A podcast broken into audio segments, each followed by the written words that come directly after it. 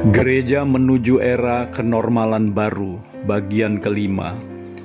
Bentuk kenormalan lama lainnya adalah jemaat mengandalkan seorang pendeta atau gembala sidang untuk pertumbuhan rohani mereka. Pandangan tradisional mengenai seorang pemimpin jemaat memang sangat tidak seimbang. Pemimpin jemaat dianggap sebagai sosok bapak yang sangat bijaksana, tahu segala permasalahan, dan dapat menyelesaikan semua persoalan dalam kehidupan jemaat. Sosok yang boleh dibilang nyaris sempurna. Dalam suatu rapat majelis untuk menentukan pendeta mana yang akan mereka terima untuk menjadi pemimpin mereka, ditetapkanlah 10 syarat utama yang harus bisa dipenuhi oleh hamba Tuhan tersebut. Yang pertama, dia harus seorang yang takut akan Tuhan, dan kesan itu harus terlihat dalam penampilan pertamanya. Yang kedua, seorang yang pandai berkhotbah, diselingi humor yang segar. Yang ketiga, seorang yang sangat mencintai istri dan anak-anaknya. Yang keempat, Kehidupan anak-anaknya harus jadi berkat bagi jemaat dan orang banyak lainnya. Yang kelima, seorang yang selalu sabar dalam menghadapi ketidakdewasaan jemaat.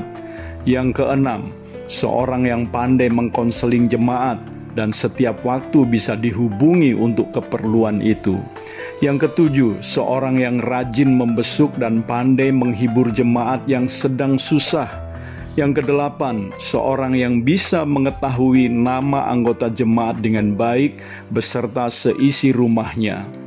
Yang kesembilan, seorang yang bisa memimpin paduan suara atau minimal suaranya bagus waktu menyanyi. Dan yang kesepuluh, seorang yang punya nama baik di luar jemaat.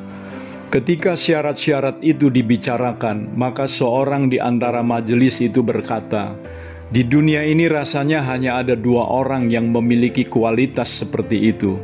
Oh, puji Tuhan, siapa itu, Pak? Tanya majelis yang lain. Majelis yang pertama menjawab, "Sayang, Pak, sudah tidak ada lagi sekarang, karena yang satu sudah mati dan yang satunya lagi belum lahir."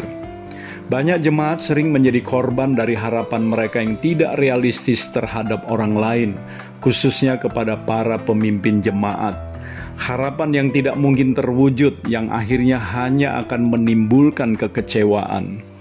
Alkitab sangat jujur mengungkapkan kepribadian dari para pelayan Tuhan. Tidak ada yang ditutupi, termasuk segala kekurangan mereka. Perhatikan saja murid-murid Tuhan Yesus. Mengingat mereka, sebetulnya terasa sekali mereka hanyalah orang-orang biasa juga seperti kita.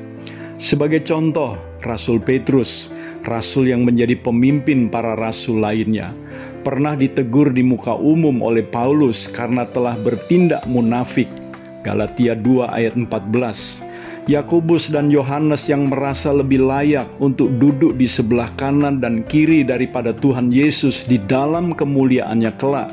Markus 10 ayat 37. Hal ini telah menimbulkan kegusaran dari murid-murid lainnya mereka masih bertengkar soal yang sama, yakni siapa yang terlebih besar di antara mereka. Lukas 22 ayat 24. Justru di saat Tuhan sedang masuk dalam pergumulan yang paling berat untuk naik ke kayu salib. Yang membedakan mereka dengan kita hanyalah panggilan dan kuasa Allah yang bekerja kuat di dalam diri mereka. Namun, kita tidak pernah memusingkan kelemahan mereka tetapi anehnya, tanpa sadar kita justru lebih sering menuntut pemimpin kita untuk lebih sempurna dari pribadi rasul-rasul tersebut. Gereja yang menuju kenormalan baru perlu mengubah konsep berpikir mereka tentang pemimpin mereka. Mereka harus belajar menganggap gembala sidang atau pemimpin mereka sebagai orang yang Tuhan utus untuk memperlengkapi mereka, untuk melakukan pekerjaan pelayanan bagi pembangunan tubuh Kristus.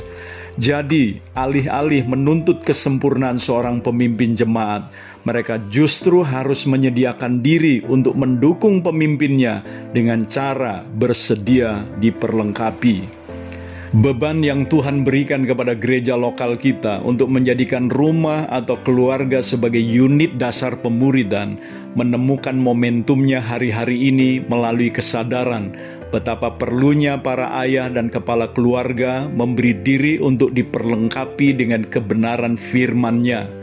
Di tengah pandemi COVID-19 yang belum mereda, Tuhan sesungguhnya sedang memberikan sebuah kesempatan yang sangat indah untuk memulai kenormalan baru secara rohani, yakni para ayah atau kepala keluarga bertindak sebagai gembala keluarganya masing-masing, sesuai dengan apa yang tertulis di dalam Efesus 6 ayat 4. Dan kamu, bapak-bapak, janganlah bangkitkan amarah di dalam hati anak-anakmu, tetapi didiklah mereka di dalam ajaran dan nasihat Tuhan kesempatan untuk menangkap kebenaran agar kebenaran itu tidak terlepas lagi.